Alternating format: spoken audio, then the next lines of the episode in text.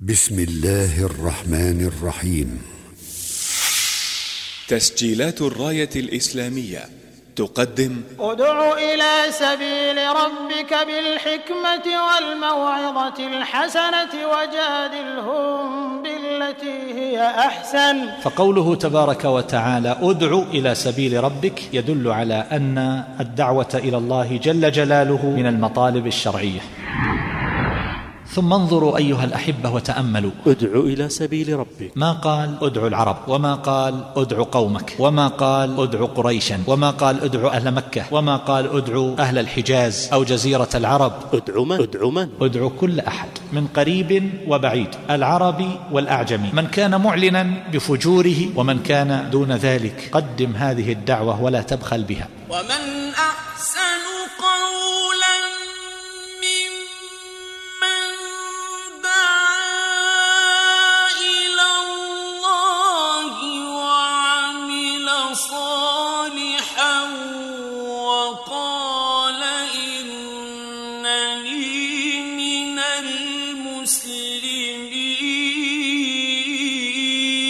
لا تطلب شيئا لنفسك. ولا تنتظر من الآخرين أن يذكروك أو يشكروك أو يقدموا لك درعا أو أن ينوه بك في المحافل. ليس هذا هو الطريق.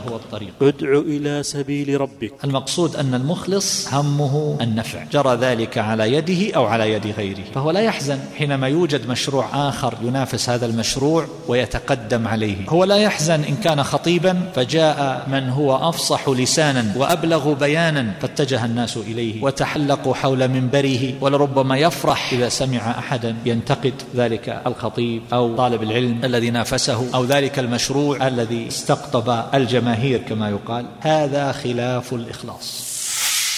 وثقوا أيها الإخوة أن من استزله الشيطان ودخل في هذا الطريق وبدأت نفسه تطلب حظا من الدنيا على دعوته خذ مالا أو نحو ذلك أن الكلمة تنطفئ قبل أن تخرج من فمه وتنزع البركة من كلامه فتخرج كلماته ومواعظه ميتة. فما أوتيتم من شيء فمتاع الحياة الدنيا وما عند الله خير وأبقى للذين آمنوا وعلى ربهم يتوكلون. ادع إلى سبيل ربك بالحكمة. بالحكمة. الدعوة بالحكمة تقتضي أن تكون بعلم. الدعوة بالحكمة تقتضي البداءة بالأهم. الدعوة بالحكمة تقتضي أن نبدأ بالأقرب والأسهل إلى الأفهام. بالحكمة. بالحكمة. لا يصح أن تتخلى عن الحكمة في الدعوة. على الغضب والرضا مع الصغير والكبير. مع الجمع والآحاد في بلدك وفي خارجها عبر الفضائيات وفي المسجد. والموعظة الحسنة. ولاحظ هنا أنه أطلق الحكمة. الموعظة قال الموعظة الحسنة. وفي الحكمة ما قال بالحكمة الحسنة؟ لماذا؟ لأن الحكمة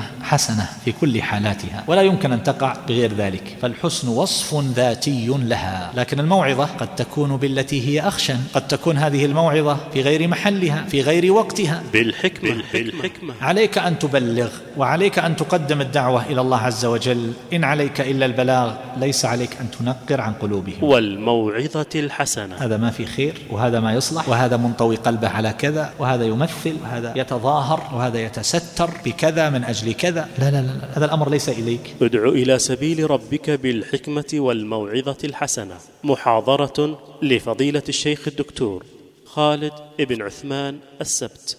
السلام عليكم ورحمة الله وبركاته. إن الحمد لله نحمده ونستعينه ونستغفره ونعوذ بالله من شرور أنفسنا وسيئات أعمالنا من يهده الله فلا مضل له ومن يضلل فلا هادي له وأشهد أن لا إله إلا الله وحده لا شريك له وأشهد أن محمدا عبده ورسوله صلى الله وسلم وبارك عليه وعلى آله وصحبه أجمعين أما بعد فمرحبا بكم معاشر الإخوان والأخوات وأسأل الله تبارك وتعالى أن يجعل هذا المجلس مباركا ونافعا وخالصا لوجهه الكريم. اللهم ألهمنا رشدنا وقنا شر أنفسنا. اللهم أعنا على ذكرك وشكرك وحسن عبادتك. أيها الأحبة في هذه الليلة سنتحدث حديثا يكون مدارسة بإذن الله تبارك وتعالى لقول الله جل جلاله أدع إلى سبيل ربك بالحكمة والموعظة الحسنة وجادلهم بالتي هي أحسن. إن ربك هو أعلم بمن ضل عن سبيله وهو أعلم بالمهتدين. هذا الحديث أيها الأحبة ينطلق من القرآن والحديث حينما ينطلق من القرآن يكون أعظم نفعا وأكثر بركة فأسأل الله عز وجل أن يجعلنا وإياكم مباركين. كما أنه أيها الأحبة نموذج عملي تطبيقي للتدبر. فنجمع بين هذا وهذا إن شاء الله مع قدر من الشفافية التي لا يفرح معها شانئ. قول الله تبارك وتعالى أيها الأحبة ادع إلى سبيل ربك. أمر من الله جل جلاله لنبيه صلى الله عليه وسلم بالدعوة وذلك يدل على مشروعيتها. هذه واحدة. فإن المشروع ما طلبه الشارع إما جزما وذلك الواجب وإما من غير جزم وذلك المندوب. فقوله تبارك وتعالى أدع إلى سبيل ربك يدل على أن الدعوة إلى الله جل جلاله من المطالب الشرعية. ثم إن الأصل في الأمر كما هو معلوم عند الجمهور يدل على الوجوب. فدل ذلك على أن الدعوة إلى الله جل جلاله واجبة. ويبقى النظر فيما وراء ذلك. إنما الكلام على أصل الدعوة. وإلا فقد لا تتعين على زيد وتتعين على عمرو فهي من الفروض الكفائية. لكن لا بد من وجودها وتحققها. ثم إن هذا الخطاب كما تلاحظون موجه إلى المفرد. ما قال ادعوا إلى سبيل ربكم وإنما قال ادعوا إلى سبيل ربك. فظاهره أنه موجه للنبي صلى الله عليه وسلم.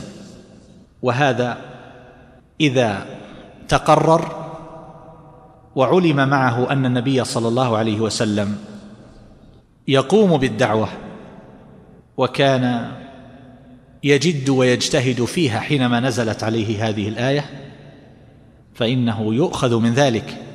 مع قيامه صلى الله عليه وسلم بها حينما نزلت عليه الآية يؤخذ منه فائدة أخرى وهي الاستمرار والدوام على هذه الدعوة. داوم عليها. وذلك أن الدعوة إلى الله جل جلاله هي مهمة الرسل. إن عليك إلا البلاغ. فهي وظيفتهم. قل هذه سبيلي أدعو إلى الله على بصيرة أنا ومن اتبعني. قل هذه سبيلي أدعو إلى الله على بصيرة أنا ومن اتبعني. فأتباعه هم الدعاة إلى الله من بعده وهم أهل البصائر أيضا بحسب الوقف والوصل في الآية وكل ذلك صحيح والقرآن يعبر به بالألفاظ القليلة. الدالة على المعاني الكثيرة. فهذه الآية إذن التي أمر بها النبي صلى الله عليه وسلم بالدعوة إلى الله تضمنت تثبيت الرسول صلى الله عليه وسلم على دعوته وألا ييأس حينما يواجه العقبات والعراقيل والتكذيب والجهود التي يبذلها أعداء الإسلام لنشر باطلهم وكفرهم في العالمين. وما يقولونه عن رسول الله صلى الله عليه وسلم ولأتباعه من تلك الفرى نصيب كذلك حيث وجهوا إليهم أسوأ التهم وأبشع الأوصاف حتى صارت أعراضهم كلا مباحا يفري بها كل منافق وعدو أحرقت العداوة والبغضاء قلبه فجرى ذلك على لسانه. ماذا قالوا عن رسول الله صلى الله عليه وسلم؟ قالوا ساحر وكذاب وشاعر ومجنون إلى غير ذلك من الفرى والبهتان الذي وجه إليه عليه الصلاة والسلام كما وجه إلى إخوانه من الرسل عليهم الصلاة والسلام قبله كما يوجه أيضا ما يشابهه ويشاكله لكل تابع لطريق الأنبياء عليهم الصلاة والسلام إلى قيام الساعة. الله تبارك وتعالى يثبته على الطريق وعلى دعوته فلا يفتر حينما يرى الصدود. حينما يرى أولئك الذين لا ينتفعون بدعوته ولا يقبلون عنه قليلا ولا كثيرا لأن ذلك ليس إليه إنما عليه البلاغ. أدعو إلى سبيل ربك. هذه وظيفتك.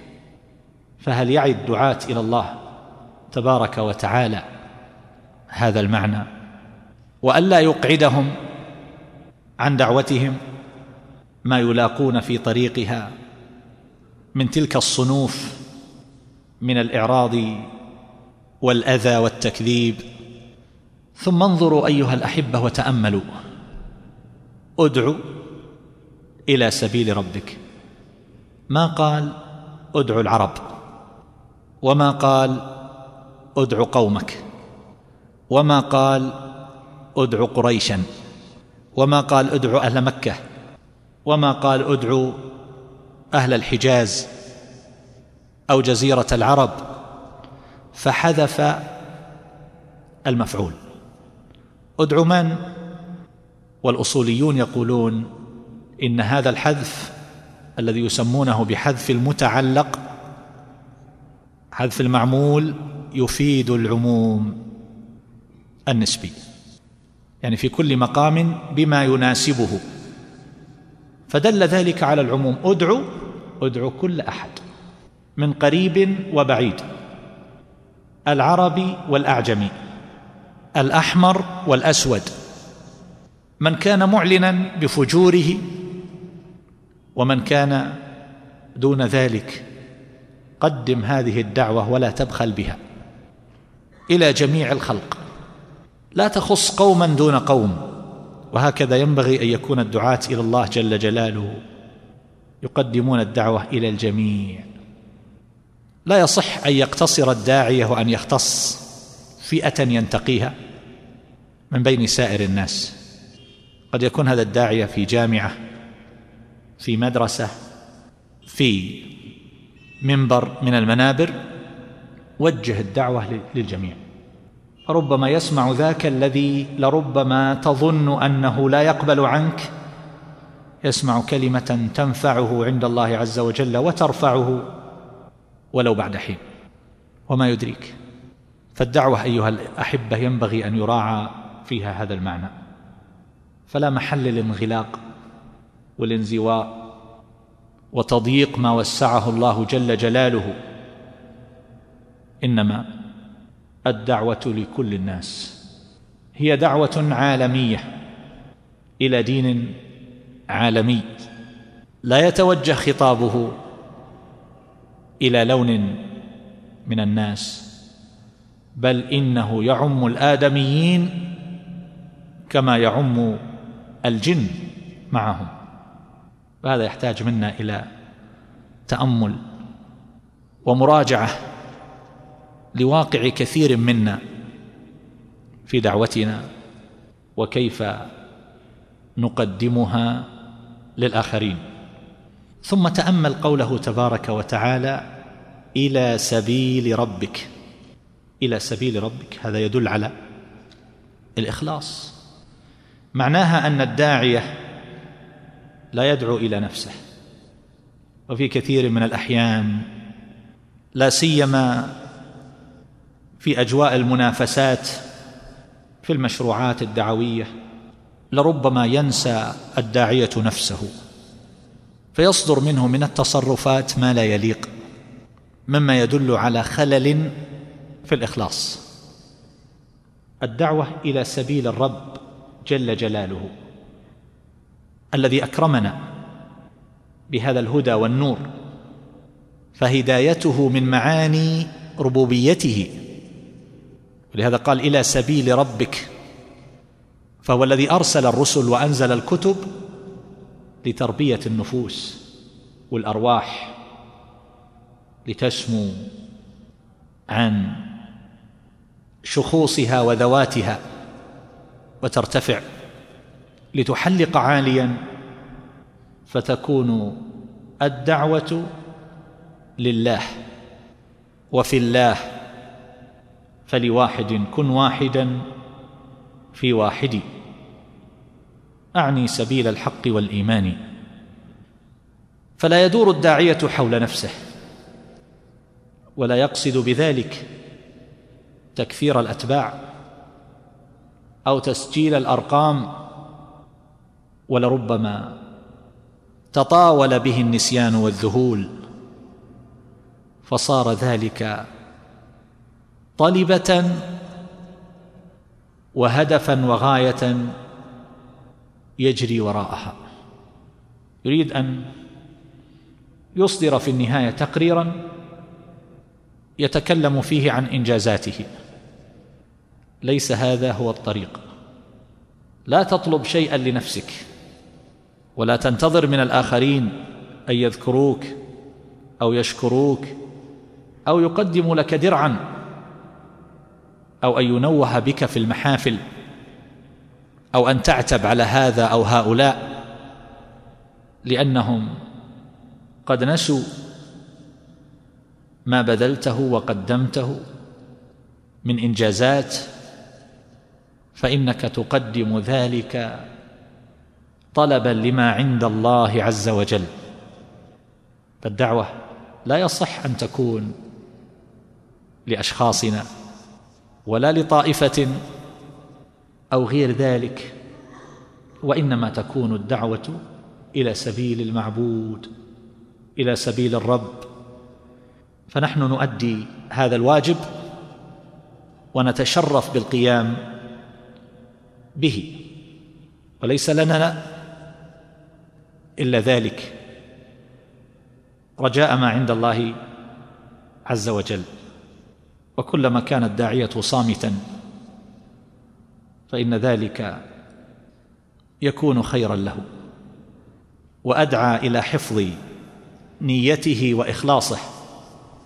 وإذا أردنا أن نجعل بعض المعايير التي تدل على صدقنا وإخلاصنا في دعوتنا إلى الله تبارك وتعالى وأنها إلى سبيل الرب جل جلاله لا لأنفسنا فإن ذلك يمكن أن ندركه حينما نصل إلى درجة وحالة لا نبالي معها. ظهر الحق على أيدينا أو على يد غيرنا. المهم أن يصل إلى الناس. أن ينجح هذا المشروع الدعوي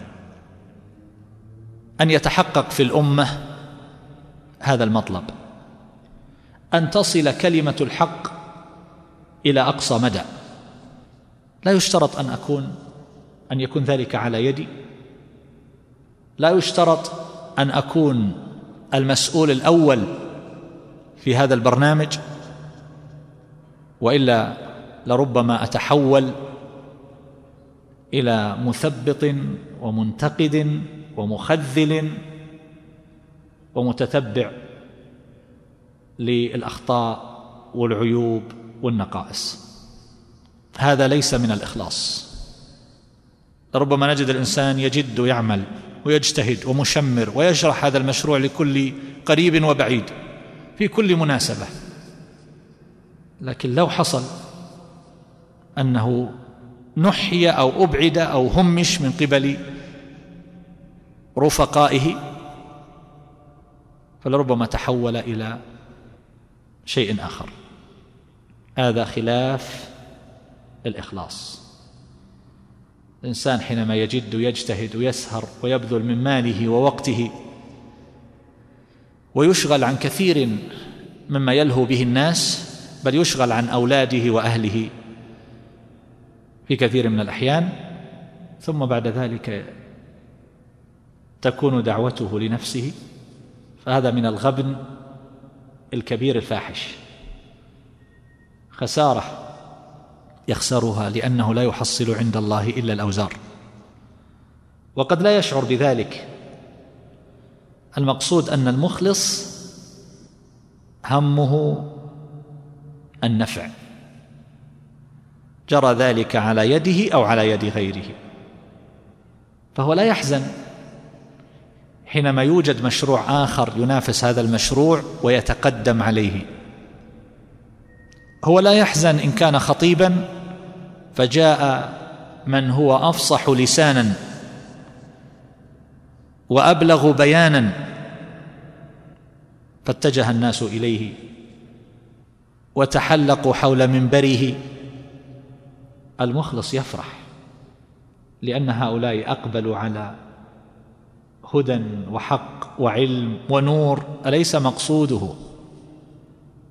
أن يبلغ دين الله عز وجل؟ الناس لم يذهبوا إلى مرقص ولم يذهبوا إلى مكان منكر وفاحشة إنما ذهبوا إلى منبر ينتفعون به هو خير من هذا المنبر الذي تقدم ما تقدم فيه. فلماذا يحزن الإنسان ويضيق ولربما يفرح إذا سمع أحدا ينتقد ذلك الخطيب أو طالب العلم الذي نافسه أو ذلك المشروع الذي استقطب الجماهير كما يقال فيبدأ يفكر كيف يتصرف من أجل أن يستعيد ما فقد. هذا خلاف الإخلاص. نحن نكثر الخير أيها الأحبة ونقلل الشر ما استطعنا. وكل من سار في هذا الاتجاه فهو يؤدي العمل الذي نؤديه. هو شريك لنا في مشروعنا. نفرح به ونسر وندعو له. ولا يكون هناك وحشة وجفوة بيننا وبينه. الداعية إلى الله المخلص لا ينتظر من الآخرين مردودا. شعاره إنما نطعمكم لوجه الله. لا نريد منكم جزاء ولا شكورا. إنما ندعوكم لوجه الله. لا ننتظر منكم الشكر. ولهذا كان بعض السلف يتحرج. إذا قدم لأحد صدقة أو معروفا فقال له جزاك الله خيرا. يقول بل أنت جزاك الله خيرا. من أجل الا يكافئه على هذا الصنيع والاحسان لا يريد حتى كلمة. الشكر. وإذا كانت الدعوة إلى سبيل الرب تبارك وتعالى لا لذواتنا فإنها ينبغي أن تبذل مجانا. الرسل عليهم الصلاة والسلام علمهم ربهم تبارك وتعالى أن يقولوا لا أسألكم عليه أجرا إن هو إلا ذكرى للعالمين. وما أسألكم عليه من أجر. إن أجري إلا على رب العالمين. الآيات في هذا متعددة. هكذا كان يقول الأنبياء عليهم الصلاة والسلام لأقوامهم.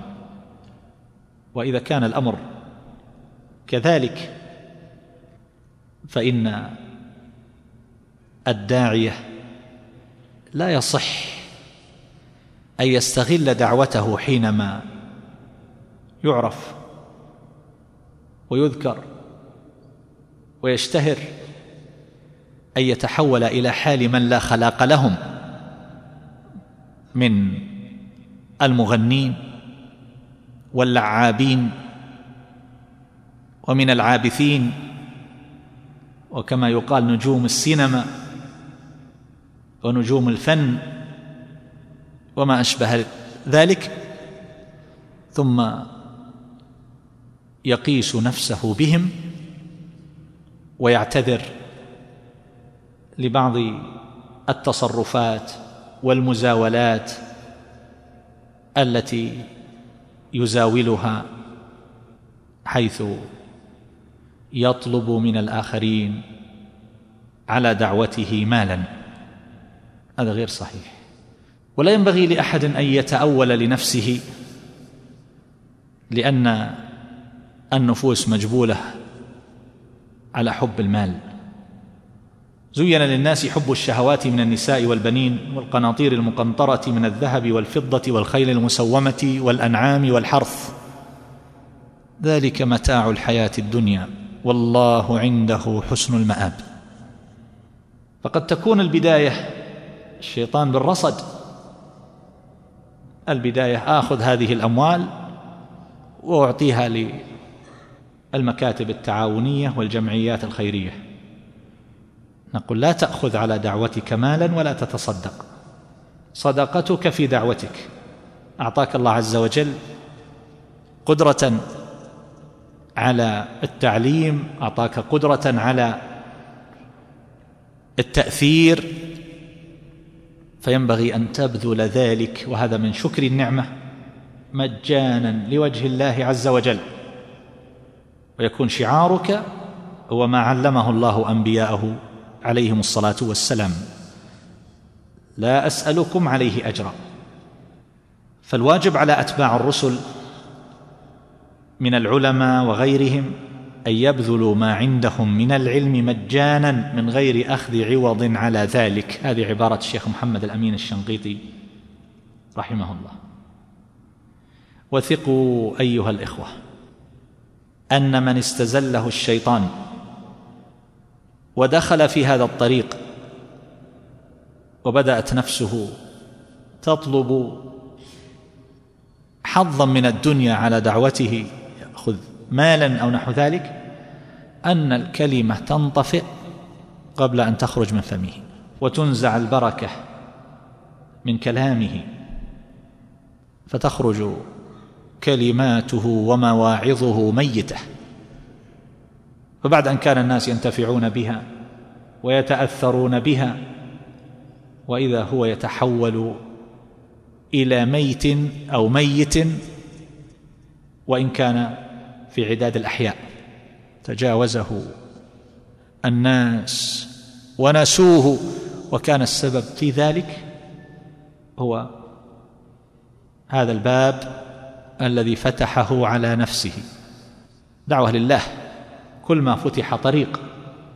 يمكن أن يلج فيه الداعية من الطرق المشروعة أو المباحة. فإنه يفرح بذلك ويقبل ولا يتردد. وجد ذلك في منبر في مسجد عبر محاضرة عبر خطب. وجد ذلك عن طريق حملات الحج ونحن على أبواب الحج. يبادر ويقول لا أسألكم عليه أجرا. لا يأخذ قليلا ولا كثيرا. مجانا لوجه الله عز وجل. هذا الذي ينفع ينفع الله عز وجل بدعوته. فإن مالت نفسه وضعفت وزلت قدم بعد ثبوتها خسر وسقط ولم يعد له أدنى قبول. فهذا أمر يجب أن يعتبر وأن نقف عنده. الداعية لا يرفع شخصه على حساب دعوته. بل إن القرطبي رحمه الله قال في قوله تبارك وتعالى ولا تشتروا بآياتي ثمنا قليلا يقول هذه الآية وإن كانت خاصة ببني إسرائيل فهي تتناول من فعل فعلهم. فمن أخذ رشوة على تغيير حق أو إبطاله أو امتنع من تعليم ما وجب عليه أو أداء ما علمه وقد تعين عليه حتى يأخذ عليه أجرا فقد دخل في مقتضى الآية. اشترط على الناس. ما ألقي محاضرة إلا بكذا وكذا وكذا. شروط. قد تكون نقدية. وقد لا تكون نقدية مما هو أعظم من الشروط النقدية. مواصفات معينة الفنادق التي يسكنها السيارة التي يتنقل بها هذا ما يليق. ما يليق؟ أشترط على الحملات في الحج ألا أذهب معهم إلا بكذا وكذا ثم توضع صور الدعاة وأسماء الدعاة دعاية لتلك الحملات. هذا ما يليق الدعوة مجانا يبتغى بها ما عند الله تبارك وتعالى. وليس لأحد أن يحتج بأن المغنين يأخذون أكثر وأن الممثلين يأخذون أكثر وأن الفنانين يأخذون أكثر. نحن نختلف. كم من الفرق بين بضاعتك وما معهم من بضاعة؟ وما تريد وما يريدون. وانظروا إلى أحوال السلف رضي الله تعالى عنهم فيها عبر. هذا شعيب.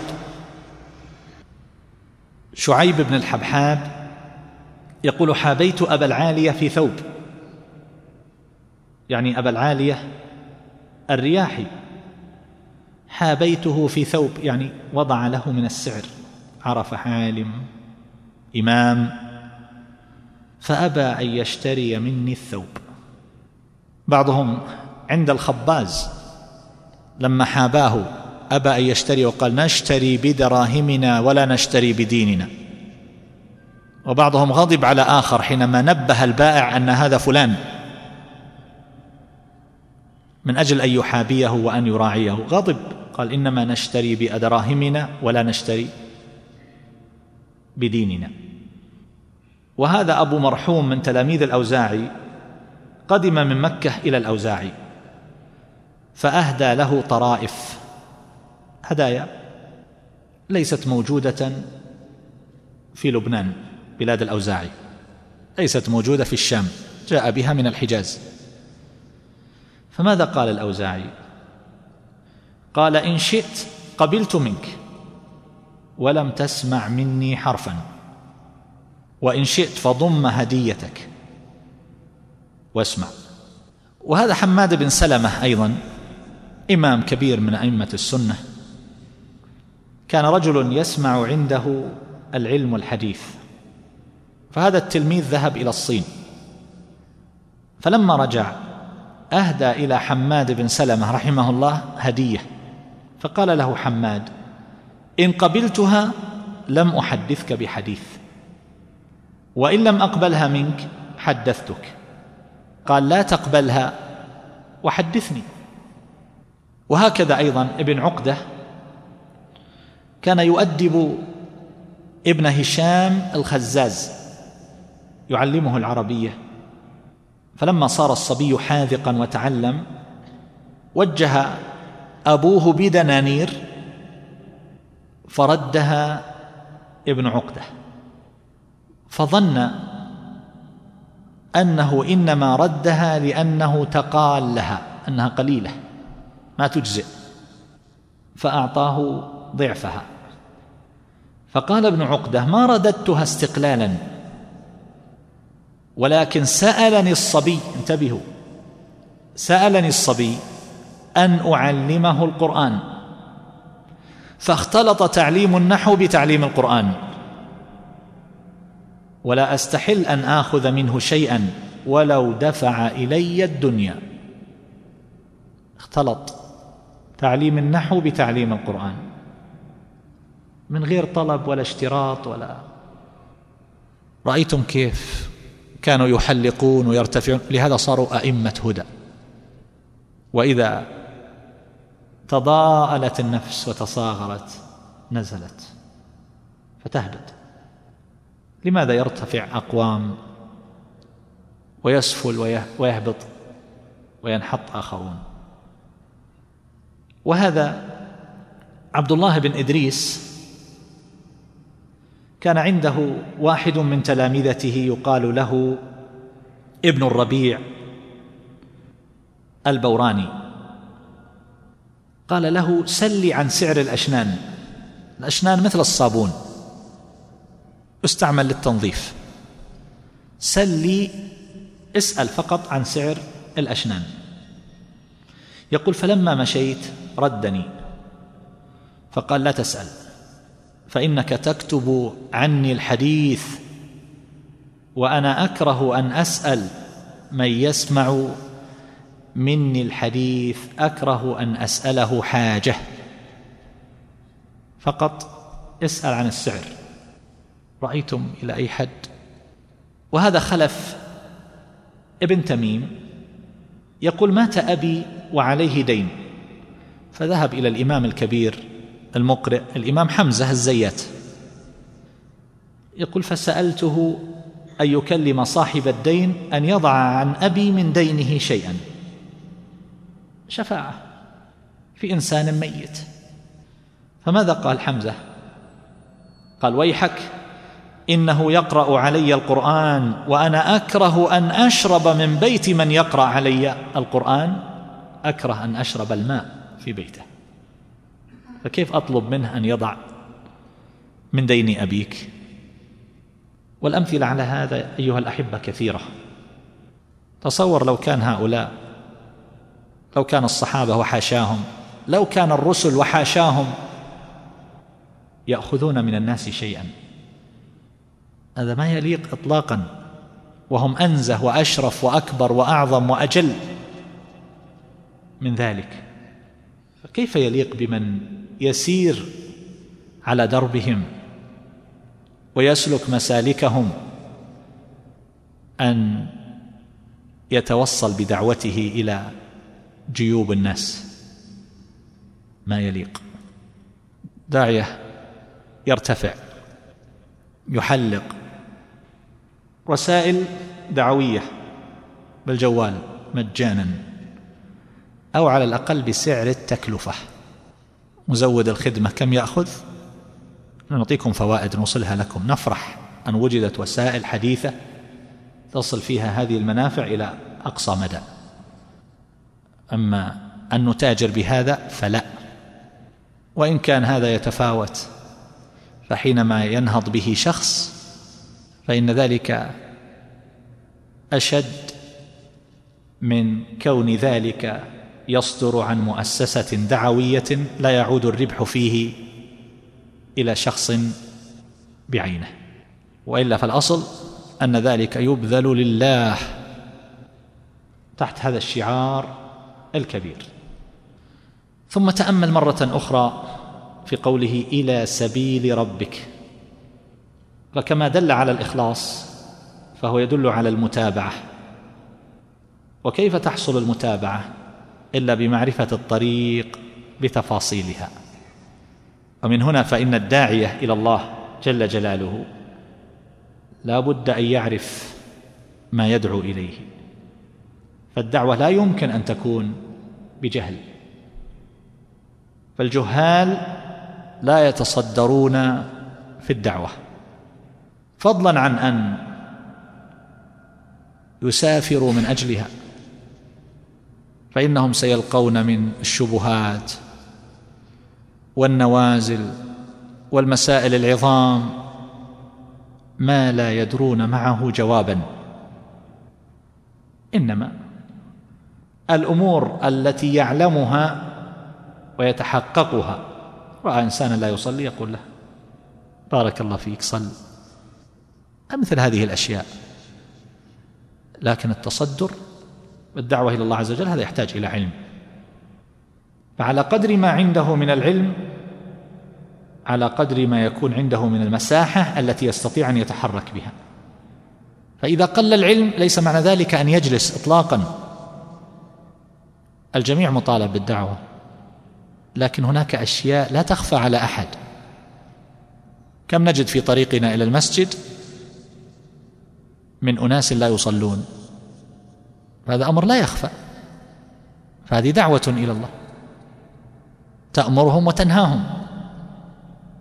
انسان يعمل منكر من المنكرات الواضحة. هذه امرأة متبرجة. هذا رجل يقذف آخر. وهذا يدخن عند باب الحرم. يجب أن ينصح هؤلاء. لكن هناك أمور تحتاج إلى فقه تحتاج إلى علم فكلما ازداد العلم كلما كان الداعيه أكثر تمكنا في دعوته. وسبيل الله عز وجل أيها الأحبة هو الطريق التي رسمها وخطها لعباده من أجل أن يسلكوها. هذه السبيل التي ندعو إليها ادعو إلى سبيل ربك تعني اتباع السنة. من أحدث في أمرنا هذا ما ليس منه فهو رد. فالأمور التي ندعو إليها والوسائل الدعوية يجب أن تكون صحيحة. لا يصح أن تكون الأمور التي ندعو إليها من قبيل البدع والضلالات كما أنه لا يصح أن تكون الوسائل الدعوية بدعية أو محرمة كالذي يدعو الناس عن طريق مثلا الغناء المحرم أو الرقص كما فعل الصوفيه أو بعض الصوفية أو عن طريق بدعة كبدع المآتم ونحو ذلك. يقول هذه فرصتنا. بل إن بعضهم كان مع علمه إلا أنه كان يعمل في سدانة قبر في أحد البلاد ولما أنكر عليه بعض أهل العلم هذا قال نحن هنا الناس لا يأتون إلى المساجد فنحن نجذبهم. يجذبهم بماذا؟ بالشرك وعبادة القبور. هذا لا يجوز. وسائل الدعوية فيها مساحة. يمكن أن نتوصل إلى كثير من الأنشطة الدعوية عبر وسائل مباحة. وفي هذا تكون من قبيل القربة. هناك وسائل توقيفية مثل خطبة الجمعة. لا يجوز لأحد أن يجعلها خطبة واحدة يقول كمحاضرة أفضل أو يقول الظهر ما هو مناسب. نجعلها بين المغرب والعشاء. أو نجعلها بعد الصلاة. هذا لا يجوز هذه بدعة. أو يقول الخطيب يجلس على طاولة ويتكلم بدلا من أن يقف والأوراق في يده. لا هذه وسائل توقيفية. وهناك وسائل دل الشرع على أصلها.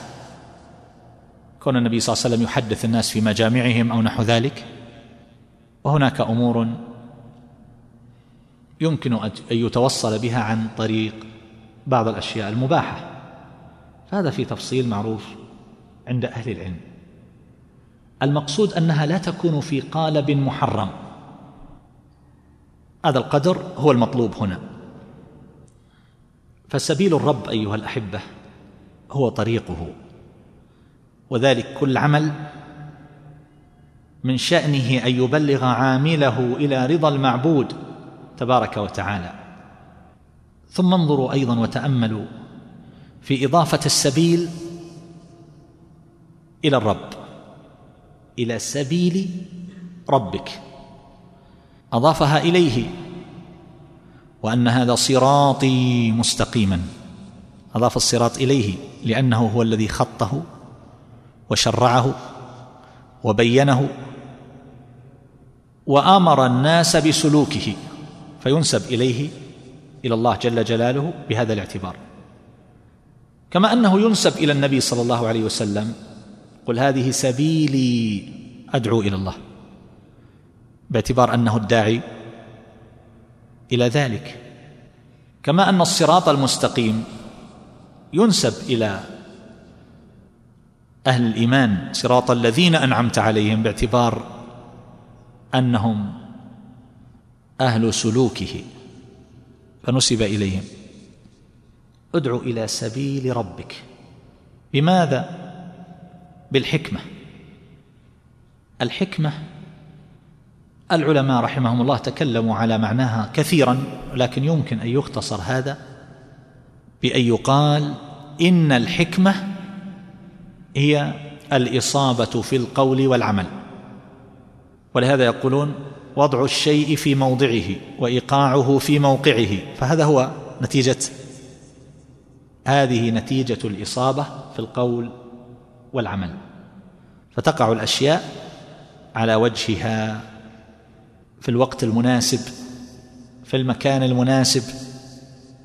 وهذه الحكمة أيها الأحبة تحتاج إلى أمرين من أجل أن يكون الداعية حكيما يوصف بهذا لا بد من أمرين اثنين. حتى يوقع الأشياء في مواقعها. تقع على وجه صحيح في توقيت صحيح في مكان لائق مناسب. تحتاج إلى عقل راجح وإلى علم صحيح. علم وعقل. فقد يكون الإنسان واسع المدارك بعيد النظر واسع الأفق. عنده عقل رجيح ولكنه لا بصر له بالشرع ليس عنده علم. فهل يمكن أن يكون هذا مصيبا في أقواله وأفعاله؟ لا. العقل أيها الأحبة مثل نور العين والنقل مثل ضوء الشمس. نور العين إذا كان الإنسان في مكان مظلم تماما. هل يبصر؟ هل ينتفع بنور العين؟ لا. لا بد من ضوء الشمس. لو أن الإنسان ذهب منه نور العين والشمس في رابعة النهار.